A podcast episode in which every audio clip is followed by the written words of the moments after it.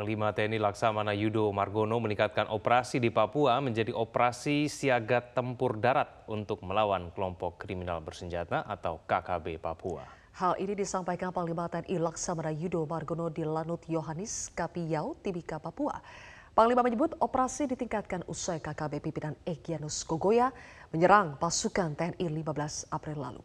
Peningkatan status operasi dilakukan agar naluri tempur prajurit TNI terbangun Meski demikian, pemirsa Panglima TNI menegaskan operasi teritorial dan penegakan hukum tetap dilakukan TNI Polri untuk menjaga keamanan di Papua.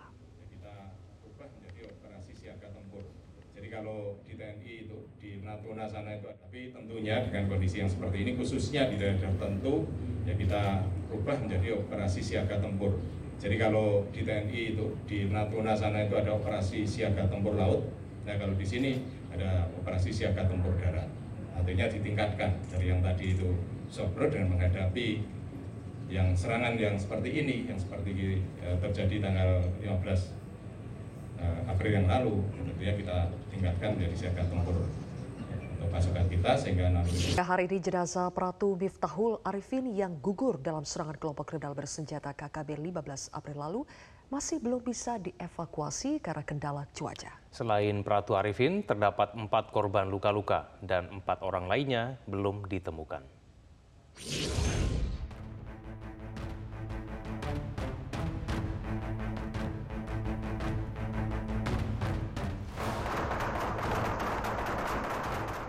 Panglima TNI Laksamana Yudo Margono menyampaikan data terbaru terkait penyerangan oleh KKB pimpinan Egyanus Kogoya saat 36 prajurit TNI melaksanakan patroli dalam upaya pencarian pilot Susi Air Kapten Philip Mertens 15 April lalu. Panglima mengungkapkan penyebab anggotanya mendapat serangan dari KKB Laksamana Yudo Margono menyayangkan kelompok kriminal bersenjata memanfaatkan masyarakat dan anak-anak untuk mengepung dan menjadikan mereka tameng untuk melakukan penyerangan.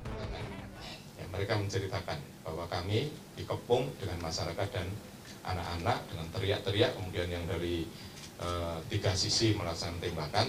Jadi, ya, itu yang mereka menjadi apa namanya e, mungkin e, menjadi apa kalau orang bingung ya di atas itu antara harus menembak senjata atau karena yang dihadapi ini masyarakat sering royok gitu. Ya, mereka tidak pernah menghadapi hal seperti itu, sampai masyarakat melibatkan masyarakat, melibatkan anak-anak. Kita selalu menghindari, ya sebenarnya jangan sampai ada korban. Saya selalu sampaikan ya, saya tidak mau uh, represif yang melibatkan korban uh, masyarakat ataupun anak-anak tapi ternyata mereka menggunakan itu mungkin yang saya sampaikan ini malah digunakan dia untuk itu gitu. nah ini yang sangat saya sayangkan Panglima TNI memastikan korban meninggal yakni Pratu Miftahul Arifin yang tertembak dan jatuh ke jurang sedalam 15 meter. Upaya evakuasi hingga kini masih terkendala cuaca. Selain Pratu Arifin, terdapat pula empat prajurit TNI yang terluka dalam penyerangan itu. Tiga orang luka tembak serta satu orang luka terpleset dan jatuh. Keempat korban luka itu telah dievakuasi ke Timika dalam kondisi selamat. Adapun empat prajurit lainnya belum bisa terhubung komunikasi dan masih dalam pencarian. Setiap tim ada komunikasinya, namun ini masih belum belum terkonfirmasi dia di mana. Makanya kemarin kita datangkan eh, tim baru ke sana untuk mencari sekaligus yang tadi untuk evakuasi jenazah tadi. Kita tetap mencari mereka, ya, mencari mereka tadi, ya, atau mungkin mungkin mereka saat uh, apa melarikan menyelamatkan diri tadi ya mungkin masih takut bahwa di situ mungkin masih ada uh, apa KST yang mungkin masih operasi di situ. Berarti di tempat yang sama dengan lima orang yang tertembak? Iya kemungkinan masih di situ. Ini kan daerahnya kan lereng bukit lereng kemudian bawahnya ada sungai dan masih mungkin masih di sana. Informasi terbaru ini sekaligus membantah soal informasi simpang siur yang menyebutkan bahwa enam prajurit gugur karena diserang KKB di Nduga, Papua. Kita berlagi informasi lain pemirsa laporan Ginda Ansori terhadap TikToker Bima Yudo Saputro beberapa waktu yang lalu dihentikan oleh Polda Lampung. Laporan tersebut dihentikan setelah petugas melakukan gelar perkara dan pemeriksaan beberapa saksi serta tidak ada unsur pidana sehingga laporan tersebut ditolak penyidik. Laporan polisi kepada Bima Yudo Saputro sebelumnya disampaikan Ginda Ansori. Ginda berprofesi sebagai pengacara di Bandar Lampung melaporkan Bima atas dugaan ujaran kebencian serta pencemaran nama baik. Namun dari hasil pemeriksaan enam saksi serta gelar perkara yang menghadirkan seorang ahli bahasa dan dua orang ahli pidana, polisi berkesimpulan sementara bahwa laporan Ginda Ansori terhadap terlapor Bima Yudo Saputro tidak memenuhi unsur pidana.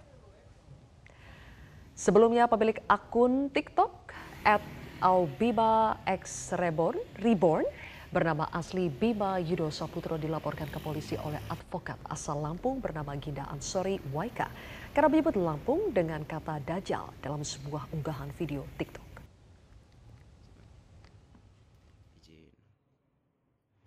Kemudian penyelidikan yang kami lakukan itu kami telah melakukan klarifikasi atau permintaan keterangan terhadap enam orang saksi yang terdiri dari tiga saksi masyarakat termasuk juga pelapor kemudian tiga ahli. Yang mana ahli ini terdiri daripada ahli bahasa satu orang dan kemudian ahli pidana ini dua orang. Dan tadi malam rekan-rekan dapat kami informasikan kepada rekan-rekan semuanya bahwasannya atas alat bukti yang telah kami dapatkan ya baik dari keterangan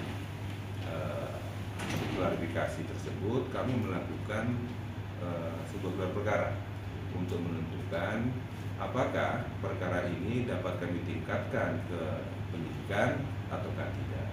Dan dari hasil gelar perkara yang telah kami lakukan tersebut, kami simpulkan bahwasannya perkara ini adalah bukan tindak pidana, ya, sehingga atas dasar tersebut Sempat dilarang menggelar sholat id di lapangan Mataram, Pekalongan, dan lapangan Merdeka Sukabumi. Akhirnya Pemkot Pekalongan dan Pemkot Sukabumi mengizinkan warga Muhammadiyah menggelar sholat id di kedua lokasi tersebut pada hari Jumat 21 April 2023. Menteri Agama dan Menko Polhukam menegaskan untuk memberikan ruang bagi warga yang akan menggelar sholat id pada hari Jumat, meski ada kemungkinan pemerintah menetapkan Hari Raya Idul Fitri pada hari Sabtu.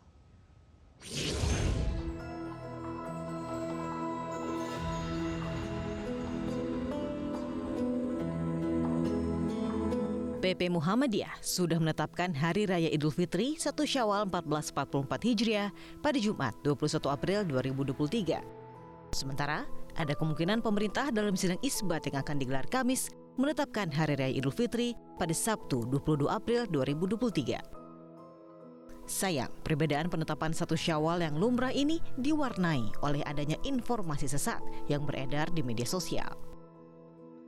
Viral di media sosial seolah-olah ada larangan sholat Idul Fitri yang diselenggarakan Muhammadiyah di lapangan Mataram, Pekalongan, dan lapangan Merdeka, Sukabumi. Namun pada akhirnya, pemerintah kota Pekalongan dan pemerintah kota Sukabumi memberikan izin bagi warga Muhammadiyah untuk menggelar sholat id di kedua lokasi tersebut. Menanggapi perbedaan ini, Ketua Umum PP Muhammadiyah Haidar Nasir meminta negara hadir secara adil dan ihsan dalam memandang dan memberikan fasilitas dalam perbedaan penetapan waktu Hari Raya Idul Fitri ini. Jadi kalau insya Allah besok berbeda itu hal yang lumrah karena ini soal istihad sampai nanti kita bersepakat ada kalender global internasional. Tapi kalau belum masing-masing saling berhormati. Nah yang tidak kalah pentingnya negara hadir dengan adil dan ihsan. Apakah kalau hari ini gunakan yang besok menyelenggarakan yang besok itu tidak sah? Enggak. Jadi kalau sekarang dipakai misalkan di depan kantor gubernur itu besok juga dipakai eh berkahnya dua kali Pak Ganjar Kementerian Agama sendiri mengimbau pemerintah daerah untuk mengakomodir warga Muhammadiyah yang akan menggunakan fasilitas umum untuk menggelar sholat id selama tidak melanggar peraturan perundangan. Menteri Agama juga mengapresiasi kepala daerah yang telah memberikan izin bagi warga yang akan menggelar sholat id pada hari Jumat. Imbauan serupa juga disampaikan Menko Polhukam Mahfud MD. Mahfud MD meminta dengan tegas agar perbedaan penetapan satu syawal tidak menjadi bahan perpecahan. Tidak ada masalah. Intinya, intinya perbedaan waktu sholat itu jangan menimbulkan perpecahan. Karena ibarat orang sholat duhur, sholat duhur itu mulai jam 12 ada yang sholat sholatnya jam 12, ada yang jam 1. Itu tidak ada salah. Sama dengan ini kan tanggal Muhammadiyah dan itu hari raya sama-sama sawah. Perbedaan dalam penetapan satu syawal adalah hal yang lumrah dalam kehidupan beragama di Indonesia. Segala potensi provokasi menuju perpecahan harus segera ditepis untuk bersama-sama menyambut Hari yang Fitri. Bersama Menteri Agama Yakut Kolil Komas menghimbau kepada pemerintah daerah agar memfasilitasi Muhammadiyah yang akan melakukan sholat id terlebih dahulu, yaitu pada hari Jumat 21 April.